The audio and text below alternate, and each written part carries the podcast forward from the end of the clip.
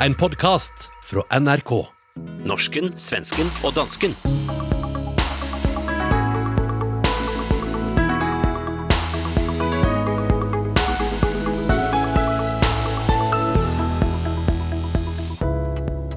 Hvem seiler opp som Danmarks Trump?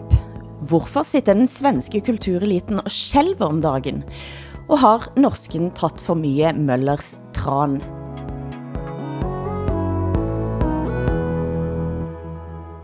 En ny, heftig terapitime på sjeselongen er i emning, men først en liten debrief av forrige uke För Hassan. Etter programmet var på lufta, så kom flere bekymringsmeldinger fra norske lyttere som lurte på om du og jeg var blitt litt i overkant tøffe med Åsa. Bør vi ta selvkritikk? Ja, altså, ja, ja, nej, nej, det synes jeg egentlig ikke. Altså, om hvis Åsa er blevet udsat for mobning, så har hun eh, 100% fortjent det. Det håller jag med om också faktiskt. Eh, både jag och Sverige får nog skylla oss själva. Ja, for du, ja, har det- gikk det bra med dig etterpå? Absolut. Eh, jag är van med att bli mobbad av er, så att jag tyckte inte det var värre än någon annan vecka. Men altså, jeg har min egen lille bekymringsmelding å komme med, for denne uka så var du altså i København igjen. Og hvad gjorde du der? Har du altså skiftet favoritland? Men alltså, jag kommer inte in i Norge med annat än att jag måste sitta i karantän i tio dagar. Det har jag inte tid och råd med. Men i Köpenhamn kommer man in om man kan visa upp ett eh, covid-test, att man är frisk. Och då var jag tvungen att leta rätt på en läkare en söndag eh, som gjorde det där testet. Och det var det mest smärtsamma jag har gjort på många, många, många år. Alltså jag fick en pinne uppkörd genom näsan och rätt in i hjärnan, kändes det som. Det kostade 2200 kronor. Och när jag satt där så tänk, och skrek av smärta alltså, så tänkte jag på hur den svenska regeringen försöker skambelägga alla människor som vill coronatesta sig. Man säger att det är onödigt och man säger också att folk testar sig för att gå på fest. Altså, den svenske regeringen, Den svenska regeringen, vår socialminister Lena Hallengren säger det till exempel, att folk eh, test, festtestar sig. Det kan jag säga, det kan inte finnas någon som gör det eh, om man nu, alltså för att eh, det är så smärtsamt att göra det testet, i alla fall om man gör det så grundligt som jag gjorde. Jamen, er du sikker på, fik- øh, Åsa, at det var en coronatest, du fik taget? ja, kanske, det kanske blir lobotomerad. Men eh, sen fick jag då mitt certifikat att jag kunde få åka till Köpenhamn. Och då gjorde jag en, en iakttagelse.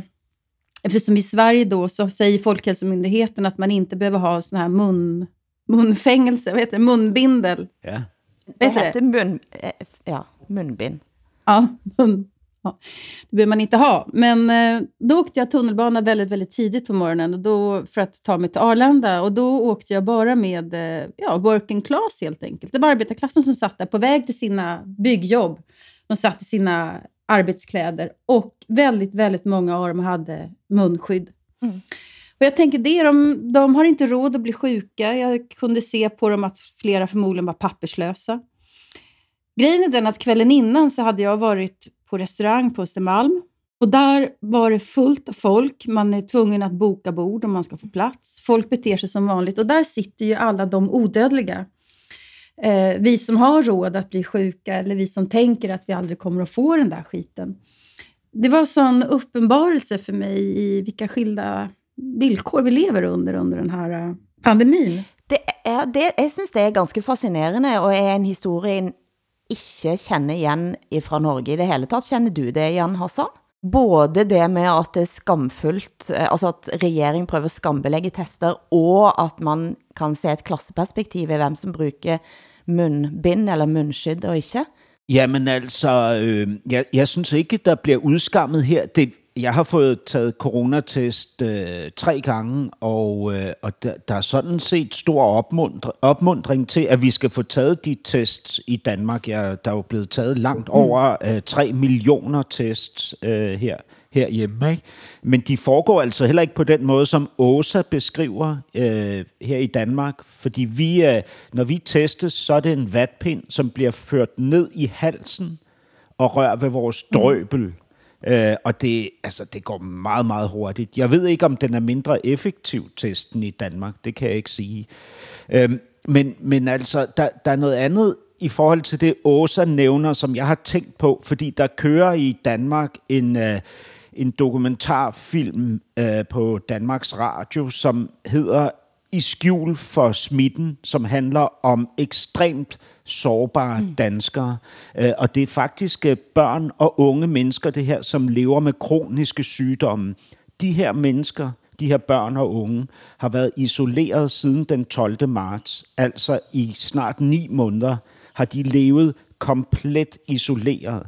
De kan ikke tillade sig at sidde og føle en smerte over, at de ikke kan gå til fest, fordi hvis de kommer i kontakt med andre mennesker og bliver smittet, så dør de og det fik jo mig, øh, ligesom øh, også at reflektere over det her klasseperspektiv, så får det også mig til at reflektere over min egen dekadence. Altså det her med, at jeg synes, det er så svært, at jeg ikke kan rejse, at jeg synes, det er så svært, at jeg ikke kan omgås mine mennesker, jeg ikke kan gå i teatret, som jeg vil, og på café, som jeg vil, og så videre. Ikke? Altså det er jo vilde, vilde, vilde betingelser, det her. Mm.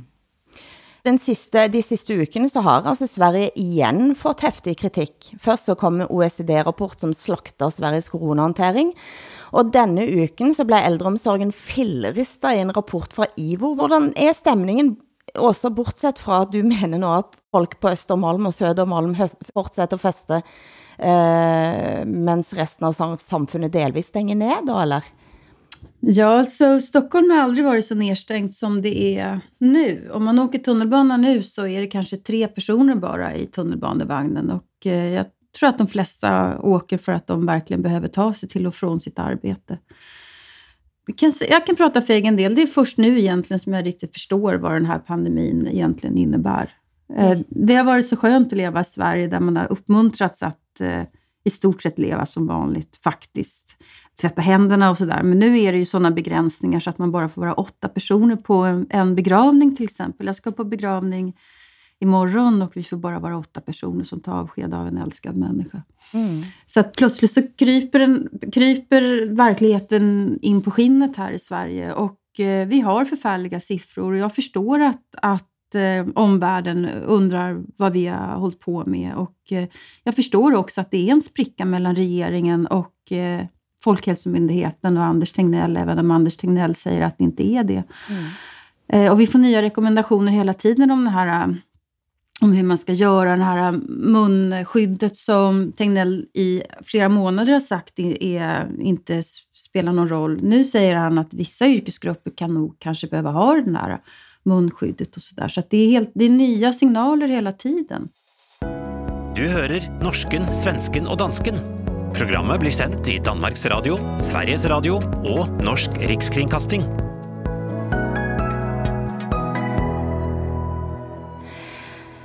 Dagboken til Lars Norén har fått sladremaskineriet å gå på høygir blant den svenske kultureliten siden det blev sluppet. Det blev den også forrige gang han slapp dagbøker. Også da satt folk og nærlæste bøkene på jakt efter perfiditeter om sig selv, blandt andet podcastduoen Alex og Sigge Hør her. Men du, du är också nämnd. I boken? Ja. Du skojar? Nej. Ja, det... Eh, men men du... du eh, eh, jag har det här framför mig. Fy fan vad sjukt. Men du ser, jag tycker det är stort. Du måste tycka att det är enormt ju. Därför att det här är då sommaren 2013 när vi var på, på bageriet. Stenungsbageriet. Ja, just det. I, på Gotland. Men okej, läs bara. Läs ord för ord. Tycker han om mig? I morse körde vi upp till Rute för att äta frukost. Ja. Och där träffade vi Sigge Eklund och hans lilla underbara dotter Bell. Och Axel Schulman.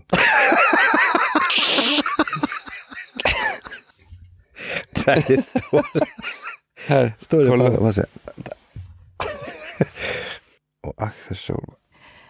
Her hørte vi altså Alex Schulman og Sigge Eklund. Eh, dette er jo ikke første eller siste gang Norén roter med navnet også. Nej, och det här är ju en utstuderad eh, nonchalans eller elakhet. Eh, en av mina vänner, Erik Helmersson på Dagens Nyheter, kallar han för Eskil till exempel. Eskil Hermansson. Eskil Hermansson och så. Eh, det är väldigt jobbigt att hitta sitt eget namn i Lars Noréns dagböcker. Det är väldigt jobbigt att hitta sina vänner där också, för att han kan vara fruktansvärt elak. Han skrev om mig att jag var ointelligent en gång och det gjorde väldigt ont. Sen ändrade han sig i nästa volym, men eh, det är ju hemskt. Samtidigt så jag försvarar ju de här dagböckerna. Jag är ju, som ni vet så är jag ju besjälad av dagbokslitteratur, men det är mycket där som är så fantastiskt bra också. Mm. Eh, som har att göra med åldrandet och föräldraskapet och funderingar kring samtiden och små vardagsfilosofiska genialiteter på två meningar faktiskt, som man kan bära med sig länge. Har du läst den sista nu? Har du läst den sista? Har du läst den sista eh, dagboken nu? Jag har läst en, tre, en tredjedel av, av den. Jag fasar för jag vet ju att mitt namn kommer dyka upp och det fasar jag för så att jag läser lite långsamt. Men... I Expressens anmeldelse skriver Gunilla Brodresch att han att skriva sig bort från skyld för att komma sig bort från bland annat politimordet i Alexander. Och så träcker hon en din bok och menar att du gjorde det samma år med 13 månader. Hur upplever du en sån sammanställning? Jag tänker att det finns ett värde i att alla människor som har varit med om någonting kontroversiellt eller traumatiskt, som både Norén och jag har varit med om, att vi berättar vår historia.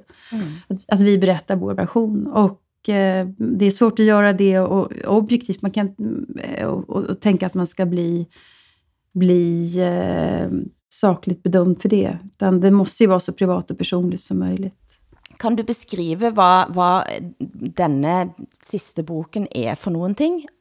Och varför den har skapat så stor uppmärksamhet? Ja, men alltså, Lars Norén har ett dagboksprojekt som det är, det är litteratur som jag inte tror finns någon annanstans i hela världen. Han är helt ensam om det här. Och det är, han, han skriver detaljerat om sina dagar. Eh, allt från hur han sover och vad han äter och vad han handlar till vad han tänker på och människor han möter och vad han tänker om dem. Mm.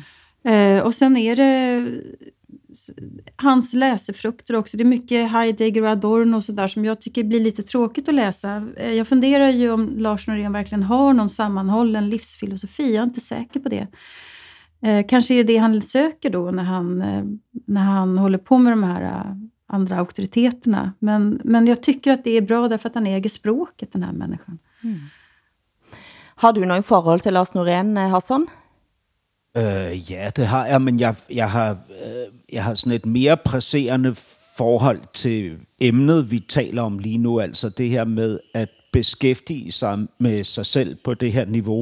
Uh, altså, jeg, jeg, jeg, jeg er jo personligt lige nu et sted, hvor jeg også var en gang i foråret, altså hvor jeg var øh, ret begejstret for isolationen og for øh, den her mulighed for at øh, ikke at skulle interagere på de der ekstremt overfladiske måder, vi hele tiden mm. gør det på. Ikke? Altså, der står jeg igen nu, ikke? Og, og for mig er det jo også sådan et sted, Lars Norén ligesom skriver ud fra, fordi det eneste, man har, det er jo øh, at undersøge sig selv øh, og sin relation til sin omverden, ikke?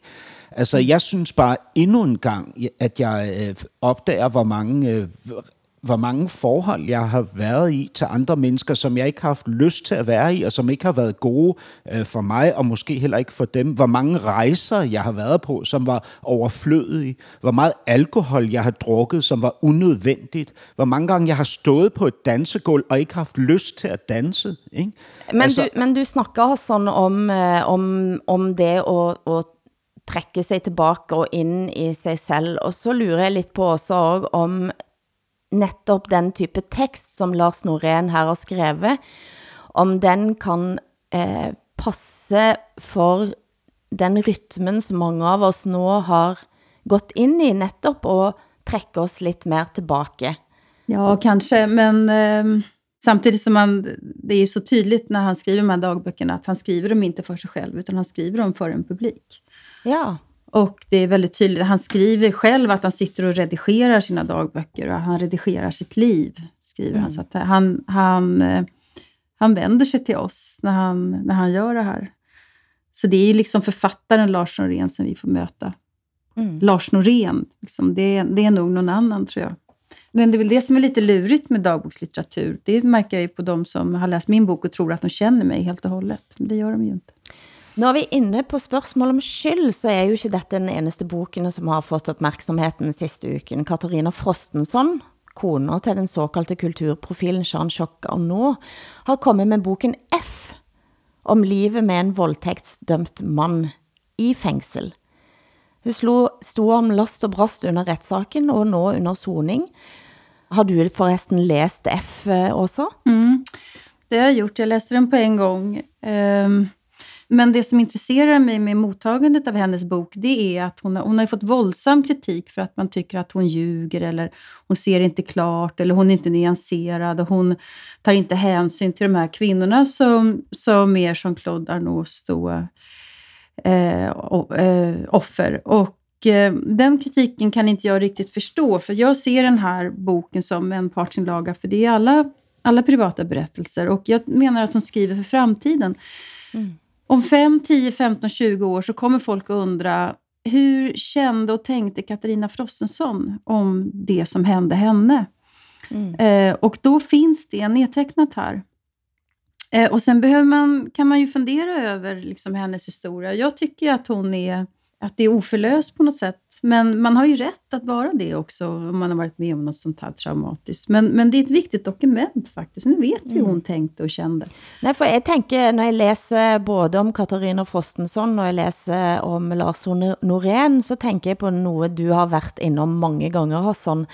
Eh, nemlig rommet for att vara både ond och god, för att göra det ena och det andra, för att vara ett helt människa, för att svikta Eh, øh, til og med for at gøre grusomme handlinger. Ja, det er jo, det er jo, øh, altså det er jo virkelig, det er jo, det er jo nogle spændende døre at åbne. Det er jo også øh, nogle øh, skræmmende døre at, at lukke op, ikke? Fordi man besøger jo øh, et et billede af sig selv, som ikke er et skønmaleri. Og der er jo en tendens i os alle sammen til at ville portrættere os selv bedst muligt. Ikke? Øh, også når, når nu vi taler om skyld og skam og ondskab osv., så, videre, så er vi jo mest interesseret i ligesom at placere os det mest behagelige sted i forhold til skildringen af os selv. Och det, jag skulle nog ändå säga, jag håller helt med Hassan, men när det gäller just Katarina Frostensons bok så, så finns inte den här dualiteten mellan att man kan vara både ond och god, utan hon, hon poängterar hela tiden att eh, namnet Katarina betyder ren. Hon är ren och hon och hennes man är helt utan skuld. Däremot så kan hon känna skam över att, att eh, hon och Jean-Claude Arnault har eh, orsakat vänner obehag, att de eh, också har nästan dragits ner i, i fallet. Det kan hon känna skam över och det är ganska stark, starkt beskrivet. Men annars så finns det ju ingen, ingen skuldbearbetning här överhuvudtaget. Eh, och, eh, det tycker jag ju faktiskt ändå, om jag får dra in min bok då, vad Gunilla Brodreschen säger på Expressen, så, så tycker jag att det är det jag försöker göra i min bok i alla fall. Norsken, svensken och dansken med Hilde Sandvik, Åsa Linderborg och Hassan Preisler. Donald Trump är snart ute av det vita hus, men arven hans lever vidare och i Skandinavien. Forrige helg gick vänsterpolitiker Inger Stöjberg på talerstolen i Rådhusparken i Århus, hvor landmän, alltså bönder, demonstrerade mot regeringens agering i minksaken. Hon sa följande. I foråret der viste vi Mette Frederiksen stor tillid. Den tillid har hun misbrugt. Nu skal vi have genindført demokratiet i Danmark. Det skal igen være folket, der styrer. Vi skal have genindført folkestyret. Igennem mange måneder er folkestyret blevet afskaffet. Magten er blevet koncentreret på meget, meget få hænder i Danmark. Beslutninger bliver truffet i mørke, langt væk fra Folketinget. Regeringskontorerne er blevet en sump af magt, der langsomt, men sikkert æder dansk demokrati. Og det skal være slut nu. Vi skal have gjort op med magtsygen. Vi skal have gjort op med magtafgancen. Vi skal have drænet sumpen fyldt med Mette Frederiksens magtafgangse. Tak for ordet, og tak for, at I har tid og brugt kræfter på det her. Det er rigtig flot. Dränesumpen, sa altså eh, Støyberg. Hassan, dette har ikke gått uh, hen? Nej, altså det er jo et, uh, et begreb, som eh, vi især uh, forbinder med Donald Trump, fordi han sagde, at, uh, at, at sumpen skulle drænes i Washington, ikke? Drain the swamp. Men, men altså det, der er med det her begreb, det er, at det er et gammelt begreb, som uh, oppositionen til enhver tid har brugt om den øh, de, om den anden side, altså dem, der ligesom sad på magten. Og, og altså, jeg må jo sige, jeg er jo fuldstændig enig med Inger Støjberg. Magten skal tilbage til Folketinget, og på den måde tilbage til folket. Og magten korrumperer, og der er magtsyge i, øh, i vores øh, regeringskontor. Jeg er helt enig.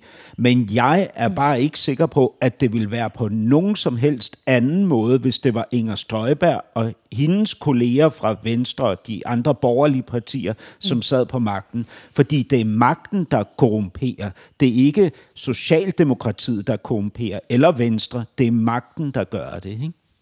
For svenske lyttere finns eh, dette uttryck i Sverige också? Nej, jag funderar på vad, hur det ska översättas. Drain Jag har sett eh, rensa upp i träsket. Ja, just det. Så kan man nog säga. Ja. Ja. Jag ska förklara också för svenska lyssnare här att eh, Inger Stöjberg, när hon kallas för vänster i Danmark, så är det alltså liberal på svenska. betyder det. Det jag, tycker att det är ganska, jag tycker det är ganska allvarligt att, att säga att folkstyret är avskaffat. Jag tycker det är ganska hårda ord faktiskt. Det är, det är farligt att, eh, att slänga sig med sådana såna begrepp, för det kan ju komma en tid när det faktiskt är så. Och då finns det inga ord kvar för det som har hänt. Samtidigt så tycker jag ju också att det är, är, det är problematiskt det som händer i Danmark. Och det är klart att danska regeringen ska, ska ha kritik, men är verkligen folkstyret avskaffat? Nej, altså folkestyret er ikke afskaffet, men folkestyret har øh, i bestemte situationer lige nu haft øh, virkelig ringe vilkår, fordi øh, vores fundamentale lovgivning er sat til side. Ikke? Og det er, det er den blevet gjort af en regering, som har været klar over, at den har gjort det. Ikke? Og regeringen siger nu, mm. at den vil gøre det samme en gang til, hvis den stod i en tilsvarende situation, fordi folkesundheden øh, är, är, det väsentligaste. Ikke? Du har ju varit eh, øh, så kritisk øh, till den danske statsministern här hos oss, Hassan, och nu kan det verka som att oppositionen äntligen har fått en sak att hamra lös på statsministern eh, øh, Mette Fredriksen på. Och jag hör här en liten best of för en slags spørgetime i Folketinget denna uken. Först ute Jens Rode, støttepartiet Radikale Venstre. Kan statsministeren ikke sætte sig ind i de menneskers oplevelser af, hvad i alverden det er, der er foregået, og at de føler sig dybt krænket? Det er og var en ordre fra statsministeren. Mener statsministeren, at det er i orden, at man lyver for at redde sit eget skin? Vi har lavet lovgivning og givet regeringen mandat til at gøre uset, usete ting, når det ikke er krigstid. Og så skal vi høre som Folketing fra landets statsminister, at det her Folketing ikke kærer sig om folkesundheden og bekæmpelse af corona, fordi vi ønsker at have en forspørgselsdebat om, hvordan regeringen er kommet så galt af sted i forhold til minkevævet, som man er. Jeg må, jeg må bare sige, jeg synes, det var grænseoverskridende. Vi hørte her Pernille Vermund fra Nye Borgerlige og Christian Thulesen Dahl fra DF i utdrag for TV-avisen på DR. Uh, ehm, Mette Fredriksen som person, nå begynder denne kritikken at kommer og bli ganske hard, Hassan, og du har varit nådeløs. Hvordan stiller du dig nå, når du hører den, eh, det trykket, som denne kvinna nå upplever? Det, det er et svært spørgsmål for mig at svare på. Altså, jeg, det, det, er jo ikke, det er jo sådan set ikke, ikke, ikke Mette Frederiksen som person i det her, jeg har været nådesløs overfor. Det er jo den figur, hun øh, ligesom har portrætteret, eller den rolle, hun har spillet i den struktur, som hun sidder på toppen af. Øh, det, det, det, jeg har haft øh, enorme problemer med, ikke? Altså, jeg, jeg, jeg bliver lidt fortvivlet af det her, ikke? Fordi det, det, det, der jo sjældent kommer til at være det primære, det er jo, hvad hedder det, nationens bedste. Altså det, der jo ofte mm. bliver det primære, det er ens egne dagsordner, agenda, magtliderligheden i den anden fløj videre. Altså nu ser man en sprække i den, i den ellers urørlige Mette Frederiksens konstruktion, ikke? og så går man bare til stålet, ikke? fordi mm. nu, skal, nu skal man have en chance for at komme tilbage og bevise, at, at man godt øh, kan, vil kunne tage magten ikke? fra hende og så videre. Jeg så et billede av henne i denne uken bakfra, og der slog det mig, at håret til Mette Fredriksen er så kontrollert. Ja. Jag har aldrig sett henne med utslått hår. För svenska lyssnare kanske ska berätta då att, Mette Fredriksen har en väldigt stram knut på huvudet. Jag funderar också på, på det där. Hon verkar oerhört kontrollerad och jag tänker att alla statsministrar eh, världen över nu måste vara väldigt ledsna, arga, oroade. Alla fattar fel beslut. Vem tar emot Mette Fredriksens känslor, skulle jag vilja veta. Hon är så hemlig för mig. Samtidigt så är det en politikertyp som jag gillar i den meningen att hon inte hänger ut sitt privatliv, så som jag förstår det i alla fall. Nej, det gör hon inte. Eller exponerar sig i sociala medier eller sådär, som den här Inger Stöjberg gör, som väl hon älskar väl att vara där. Och... Ja, alltså det gör Mette Frederiksen ju också. Hon mm. skapar ju sitt uh, image också på de sociala medier, när hon, när hon bär okay. bollar till sina barn och så vidare. Ikke? Men, mm. det, men, okay. men du har fullständigt rätt. Hon är, alltså, det är en komposition, ikke? och man kan se det i hennes hår. Uh, absolut, alltså, det är jag helt enig i. Och hon har ju runt om sig det stærkeste statsministerium, vi nogensinde har haft, ikke? Med, med det mm. største sekretariat. Hun har lige ansat uh, to nye uh, spindoktorer ikke? til at erstatte en, der gik på barsel, og en, der udtrådte for noget tid siden. Øhm, og det er, øh, jamen altså, der, der er jo en form for, øh, hvad hedder det, fascinerende og også lidt skræmmende øh, hvad kan man sige, stålsathed i hende og hendes øh, frisyrer, og den måde, hun ligesom kan arbejde sig igennem tingene med et, øh, et permanent fokus ude for enden, ikke? Men vi snakkede jo om det forrige gang, altså denne lille brist bristen, som Mette Fredriksen hade, eh, da hun blev konfrontert ganska kraftigt på en presskonferens. Eh, og jeg oplevede nästan Hassan, att du där och då eh, fick mer sympati för din statsminister? Jamen, det er jo ikke sympati for min statsminister. Det er jo sy- altså, jeg får jo personligt større symp- sympati for hende, når jeg kan se hendes menneskelighed, og den er meget tydelig lige for tiden. Jeg kan både se, at hun er bange, og hun er ked af det, og hun er vred. Ikke? Altså, det synes jeg er meget, meget tydeligt, når kameraet zoomer ind på hende, at observere.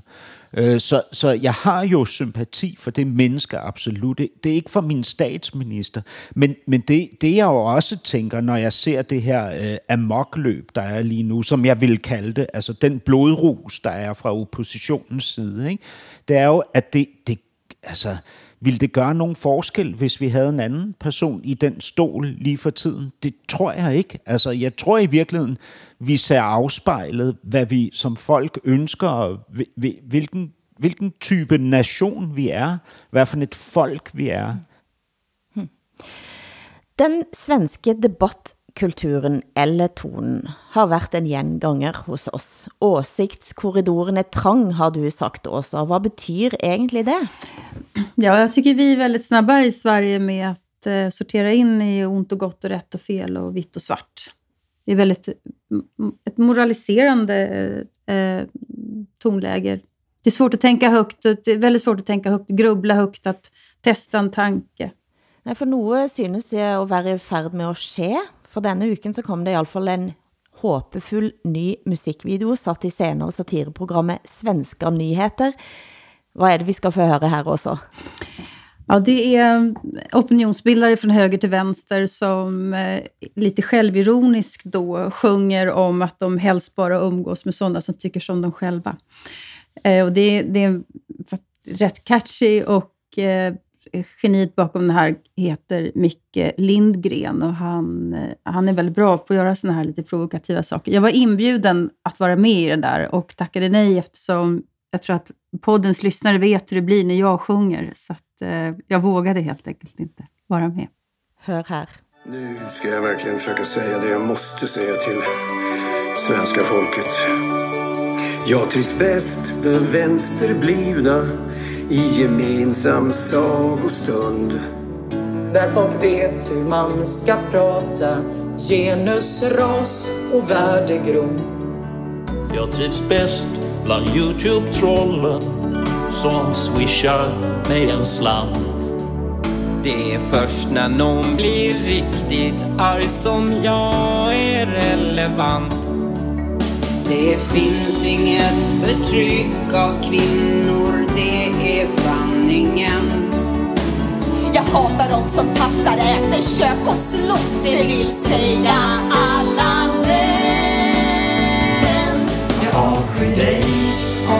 förakt för allt du tror på. Idiot, jag frågar Eh, Kjente du igen någon av de här eh, personerna också? Ja, jag kände igen allihopa. Vem var det? Ja, bland annat då eh, Göran Greider eh, var ju med då, vänster, stora vänsterrösten i Sverige. Hanif Eh, Bali hade de lagt autotune på, kunde jag höra. Ja, Hanif Bali också. Så att det, var, det var verkligen från höger till vänster. Jean Frick. Nej, de fick ihop ett bra gäng där, så jag behövdes ju inte vara med i den där kompotten. Det var ganska skönt för mig att bara kunna titta på det.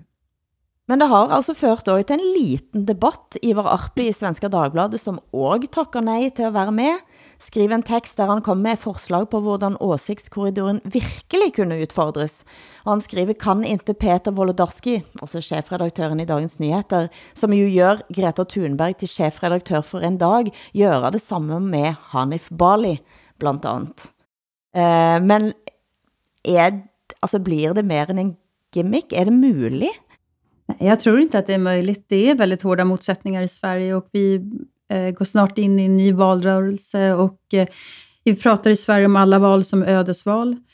Det är, det är, nej, det är konfrontativt. Och jag, ett tag så blev det lite lugnare i Sverige på grund av pandemin, för att den drabbar oss liksom existentiellt på ett annat sätt. Men, eh, men jag tror att vi snart kommer att vara tillbaka i gamla banor igen. I Norge hade vi för några år sedan ett eget program på NRK, där en satt samman människor som var rykande oeniga om olika teman till samtal över köksbordet. Ett slags antipolariseringsprojekt i regi av Morgonbladet, Dagens Näringsliv, Fagblad och NRK. Eh, kunde en ha tänkt sig något tillsvarande i Sverige och i Danmark? Ja, det, altså, jeg kan jo svare for Danmark, det kunne man sådan set godt. Det er jo ofte en, en konstruktion, ikke, hvor man ligesom bringer de polariserede sammen, så de kan øh, tale ud. Hvad hedder det? Og, og så får man ikke adresseret det egentlige problem, ikke? Og det, som jo er vores pluralismeangst. Altså, vi, vi kan jo simpelthen ikke holde ud, at, øh, at mennesker kan have fundamentalt anderledes holdninger, end vi selv har, uden at skulle kategorisere dem som forkerte mennesker. Ikke? Fordi vi, mm. vi læner os så meget op af vores meninger, når vi skal definere vores identitet. Ikke?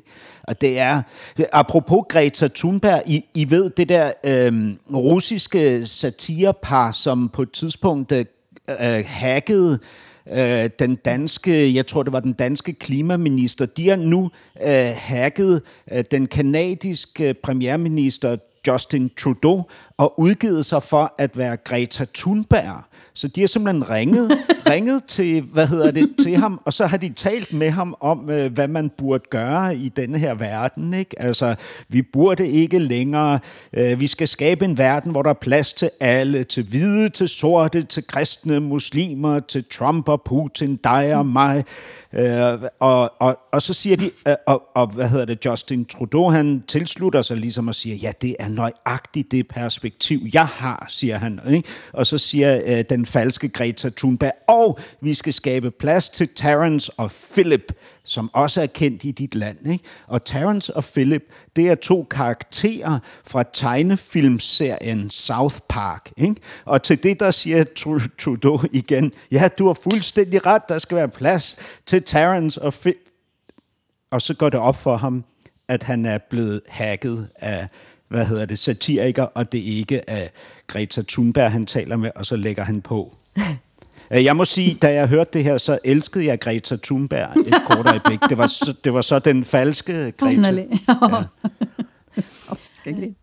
Men, men noe, av det, noe av det Ivar Arpi er innom, nettopp altså, eh, Dagens Nyheters Peter Wolodarski, som har fått ganske mye press fra eh, omverden for å ha hentet inn Greta Thunberg som eh, spaltist.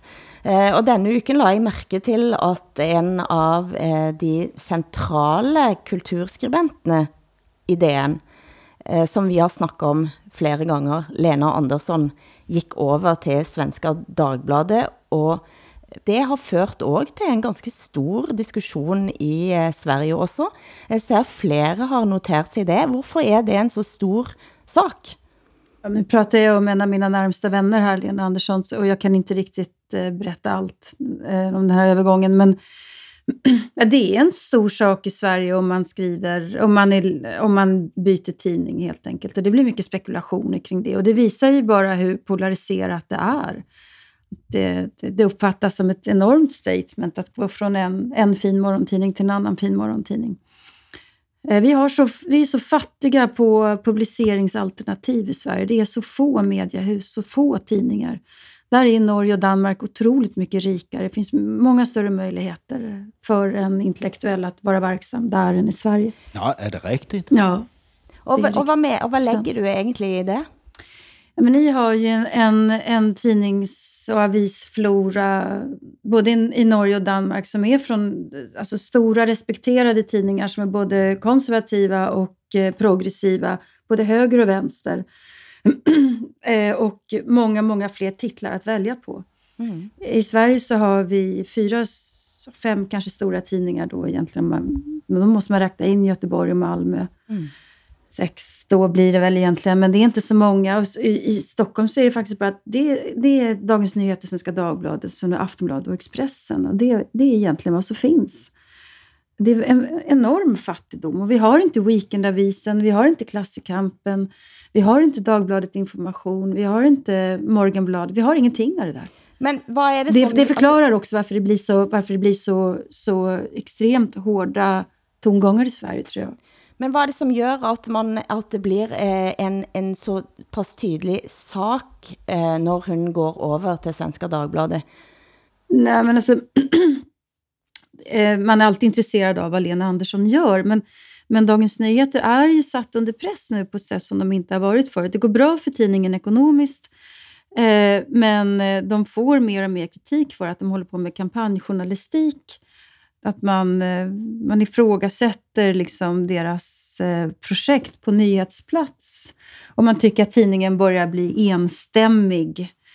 Det är ganska intressant för att Dagens Nyheter har varit en, en publikation som man inte har kunnat kritisera överhuvudtaget.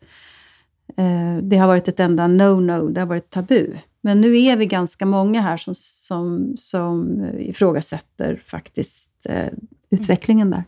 Nej, för jag läste intervjuer som Lena Andersson gav till Svenska Dagbladet denna uken.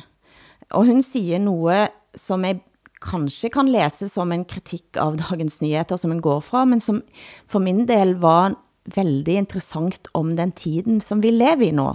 Hon får spörsmål, något gjort insikt under coronakrisen. Och hon svarar, den är förfärlig, men den är ju ingen insikt.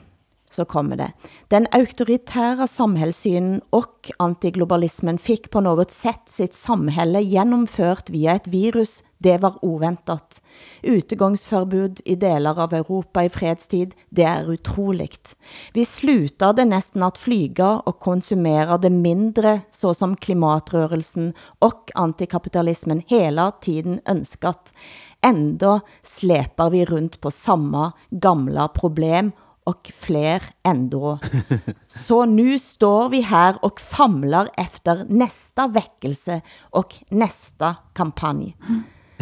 Det är ju nästan lite av det du är inom eh, tidigare här, Hassan. Ja, det, det, det er meget smukt formuleret, synes jeg egentlig. Altså, men men jeg, jeg synes jo også, det, altså, det peger på en, en bestemt ting, det er, at vi tror jo hele tiden, at vi kan skabe det menneskelige alburum ved at alliere os med andre mennesker og marchere i flok. Ikke? Men det, der er bare et paradoks, som vi ikke kan komme udenom. Det menneskelige alburum kan ikke skabes i flok. Altså det kan det ikke. Lige så snart man, man træder ind øh, og begynder at marchere, så er det netop det menneskelige albuerum, som indsnævres. Ikke? Og vi ser det igen og igen, og, og konstruktionen er, er ligegyldig. Det er lige meget om det er en socialdemokrat eller en venstre politiker, som er statsminister. Det er ikke det, det handler om. Det handler om, at, at vi forventes, især i en tid som denne her, at slutte op omkring, det, omkring noget bestemt, hvis vi skal vise os som gode mennesker. Ikke? Eh, forfatter Aslak Nore hadde faktisk en interessant artikel i Aftenposten i eh, denne uken her, eh, som heter alltså hvor, hvorfor vi är så få, Alltså vi är så få i detta landet. Han skriver eh, om den ulike, alltså, han skriver om forskellen på Norge och Frankrike i coronatiden. Han hade varit på middag hos en korrekt och tilbaketrukket psykoanalytiker, en dam runt 50, som endte kvällen med att tagga slagord mot Macron på husväggarna. Han säger, i Norge trenger vi ikke strenge lover, og de norske är er ikke strenge, fordi inre justisen er så streng, sterk. Tilliten til myndighetens håndtering av pandemien har været overvældende helt siden mars. Så i stedet for tagga tagge slagord mot Espen Rostrup Nakstad og Pent Høie, skriver vi harmdirrende meldinger på sociala medier om folk som bryter coronareglerna. Vi tyster på naboen som har svenskehandlet, eller lager svartelist over indbyggere som angivelig har corona, som i Alta. Classy er det ikke, men hvis man vil skønne hvorfor man like mange dør i løpet av 24 tider i, timer i Frankrike, som det samlede antal i Norge siden mars, så må man begynne her. Jag tror att eh, under den här pandemin så har nog alla människor och medborgare funderat över vad är staten för någonting? Eh, kan jag lita på staten eller kan jag inte lita på staten? Helt sikkert. Eh, ja, och det är ganska, det ska bli intressant att se i ett längre perspektiv vad vad, vad det kommer ut av det här faktiskt. Vad det får för konsekvenser för, i, det- i det större perspektivet. Men coronaneden lærer og rejseglad nordmand å spinne, for denne uken kunne svenske TV4 bringe en gladsak fra Norge om en flyentusiast som ikke lar sig stoppe av coronarestriktioner for at få den gode rejseopplevelsen. Det är nog många som saknar resandet nu under coronapandemin, men Gunnar har tagit det till en helt ny nivå. Kaffe, te. Så här ja, jag tar gärna en kopp kaffe. Han har byggt upp en flygkabin i sitt eget kök. Tankarna och fantasin och det man kan leva sig in i, det kan ofta vara kanske någon gång mer spännande, att uppleva det verkliga. Så, så, och, och, jag har lätt för att kunna sätta mig ner och drömma. drømme, så länge jag har eh, flygmotor i bakgrunden och jag har mikrofoner, så blir det en veldig morsom kveld. Gunnar har även bjudit in familj och vänner på flera låtsasresor. Det er veldig billig å reise herfra, da. Og det er veldig enkelt òg, for det, her har jeg mikrobølgeovn og stekeovn og kjøleskap og frys. En ljusslinga visar vägen till nödutgången. Flygsätena är begagnade från SAS. Ja, Gunnar har återskapat allt som vi förknippar med flygresor. Se om ikke vi får den inn i dag. Ja da. På slutten her hører vi lyden av at han placerer håndbagagen i et skap på. Men det är ju helt fantastiskt. Jag, jag tittar på den där, äh, det där inslaget flera gånger. Gunnar som bygger upp en hel, ett helt flygplan. Alltså det är helt fantastiskt. Underbart. Han kan flyga vart han vill i hela världen och han drömmer sig till Malaga. Ah, men jeg det er elsker så det. flott. Det er, Det er så flot. fuldstændig fantastisk. Ja. Ja. Och man skulle kunna tänka sig, han skulle kunna gå runt bland sina grannar, sina nabor och kasta en hel passagerarlista. Skrikiga barn, eh, den, här, eh, den här mannen som dricker lite för mycket och vill snacka lite på slutet. Men han har ju en kompis som ställer upp och är sån här steward och, och liksom går med kaffevagnen där. Jag, jag blir rörd när jag ser vilken kreativitet människor faktiskt kan ha. Heja Norge, säger jag. Heja, heja Ja, og så, og så hvis man ser på det i lidt øh, overført betydning, ikke, så er der jo også et budskab i det her, ikke? at øh, når, når vi rejser ud i verden, som vi gjorde førhen, før øh, corona, øh, mm. hvad var det så, vi gjorde det for? Var det for eventyret, eller for afslappningen? Var det for at Ja. udvikle os, eller for at fastholde vores, øh, hvad hedder det, mm. os selv i det stabile?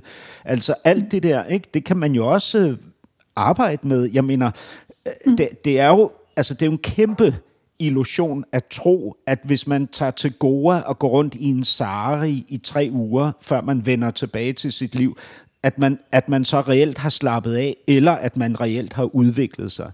Altså afslappning og udvikling er nogle helt, helt andre størrelser, ikke? som man lige så godt kan foretage i en illuderet flykabine, eller i sit eget fucking hjem.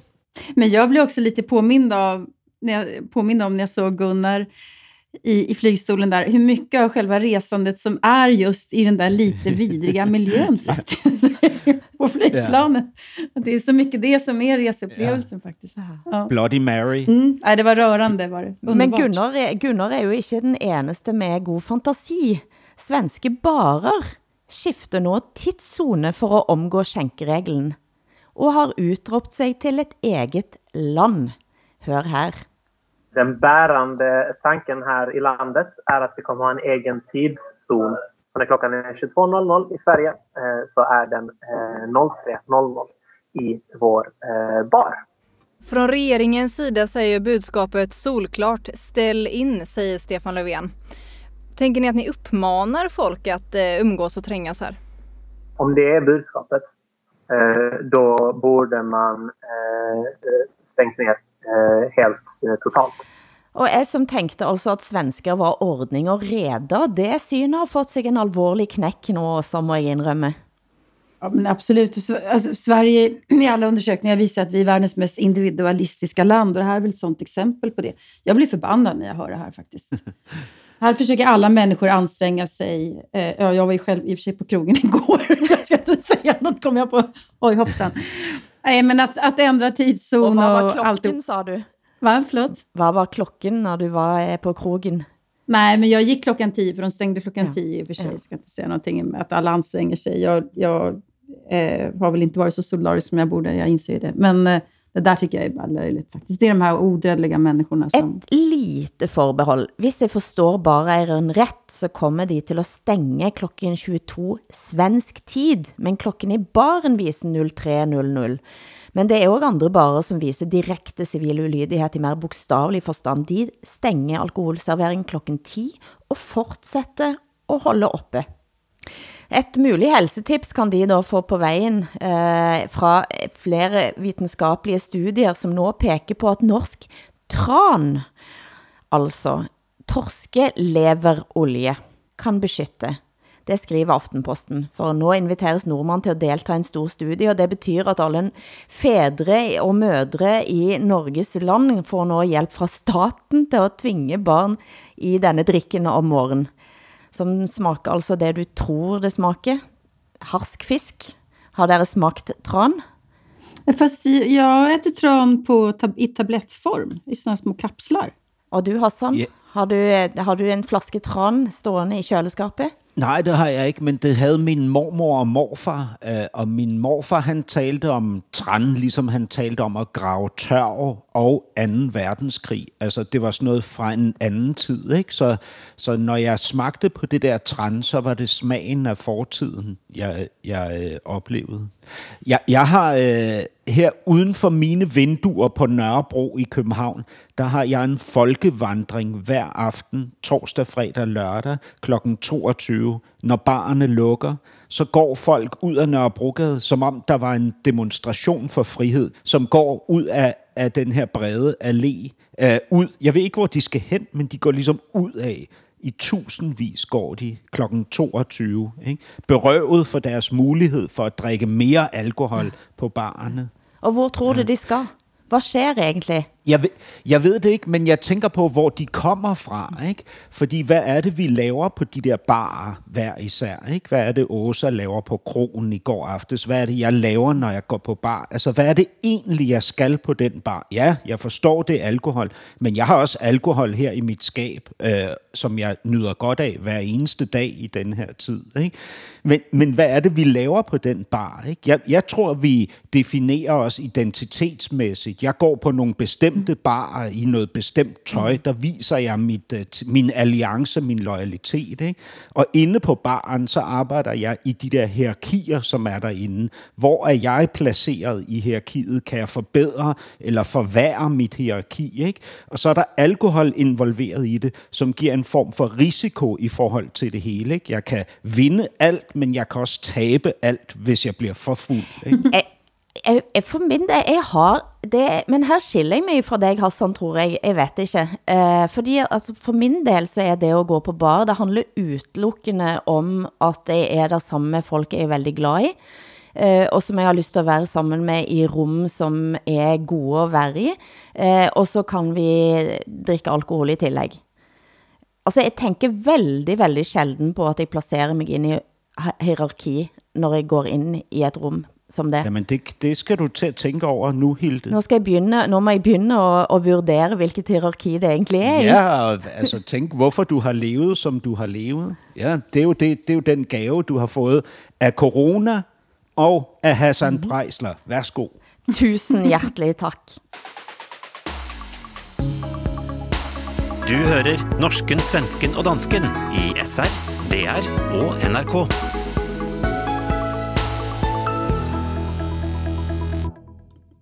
Berlingske har fått en bot denne uken. Det er jo det huset du er for så vidt jobber i også gjennom Weekendavisen Hassan, men hvorfor har de fått bot? Jamen, der har de, fordi de har brukt den lille havfru, vores nationalsymbol, altså øh, fig- figuren, som står på lange linje i København og kigger ind over byen fra vandet. Øh, de har brugt den her øh, lille havfru i en illustration i avisen, øh, og det må man ikke, fordi øh, Øh, figuren øh, hører opretshavligt til en bestemt familie, altså efterkommerne af kunstneren, som har lavet øh, figuren. Så de, de ser jo, altså de her øh, aftager, de ser jo øh, selvfølgelig en overskridelse af deres øh, rettigheder i det her, som Berlingske har gjort, og måske også en mulighed for at få nogle penge. Jeg tror, det er 285.000, 285.000, de har bedt om i erstatning for, at Berlingske har lavet en collage, hvor i den lille havfru indgår. Men altså, burde man ikke da fjerne hele havfruen fra det offentlige rum, hvis det er på den Jo, måten? det, Ja, det det er der også mange, der har prøvet at gøre. Hun har jo fået skåret hovedet af flere gange. Altså, når, når en uh, ny kunstner skal markere sig selv som progressiv, uh, i hvert fald i fortiden. I dag så smider vi jo statuer i havnen, men tidligere Mhm. så gik man ned, og så skar man hovedet af havfruen, sådan så hun måtte fjernes og få monteret et nyt hoved efter den gamle skabelon. Men eh, i Sverige så får man ju inte fota offentlig konst och publicera det av upphovsrättsliga skäl. Vi har en väldigt sträng upphovsrättslagstiftning på den punkten. Så det gör ju att, att stora delar av det offentliga rummet inte kan fotograferas och publiceras. Har, har I i Sverige og Norge, har I sådan en figur, altså en statue, som sådan er nationalikonisk, ligesom den lille havfru er for os danskere? Nej, vi har inte det i Sverige. Nej. Jo, dere har en eh, som eh, ble revet ned i The Square, som vi har snakket om tidligere også. Eh, rytterstatuen av Karl Johan utenfor eh, Ja, den- Amalienborg. Den, nej, det, den betyder faktiskt ingenting. Men, men däremot om, man har någon, om vi har någon symbol i Sverige så är det väl dalahästen då i så fall. Ja, Som, ja. som ju väldigt många gör, konstnärer liksom gör olika grejer med. Så här, ja, gör om till kameler eller, eller så. Men selv blev jeg også blandet inn i den diskussionen rundt Berlingske, fordi jeg var intervjuet i den ene saken, som handlede om en forrå debattkultur i Danmark, og jeg snakker blandt andet om mitt møte med Rasmus Paludan, som via sitt parti nu har sendt følgende svarmelding til mig og debattredaktören debattredaktøren i Berlingske, Truls Heger.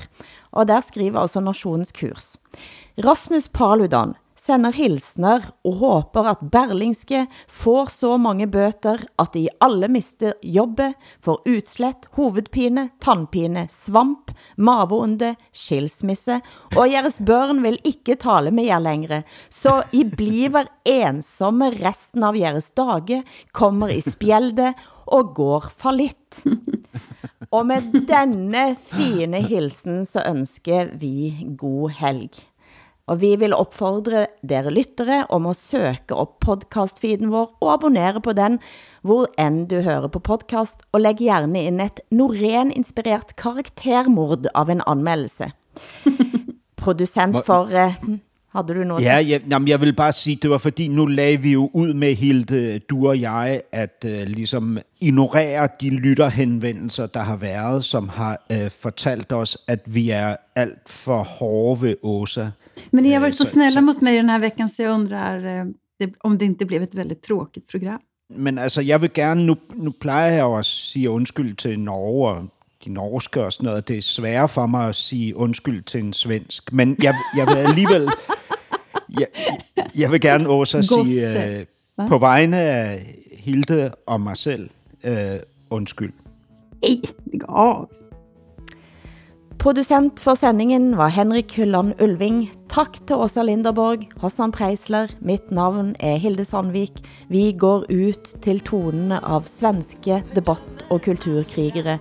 Sangen heter altså Ja avskyr deg og alt du tror på for dere som vil sjekke den ut på YouTube. Og har lånt noen tekstlinjer fra Øpna landskap og noen akkorder fra We Are The World. Inspirerende er det i alle fall. Vi hörs igen om en uke.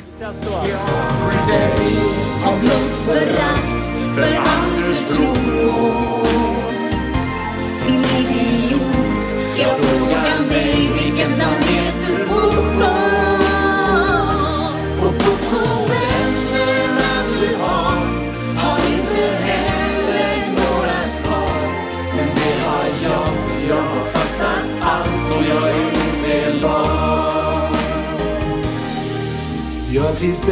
i slutna kluster I min navel vill jag bo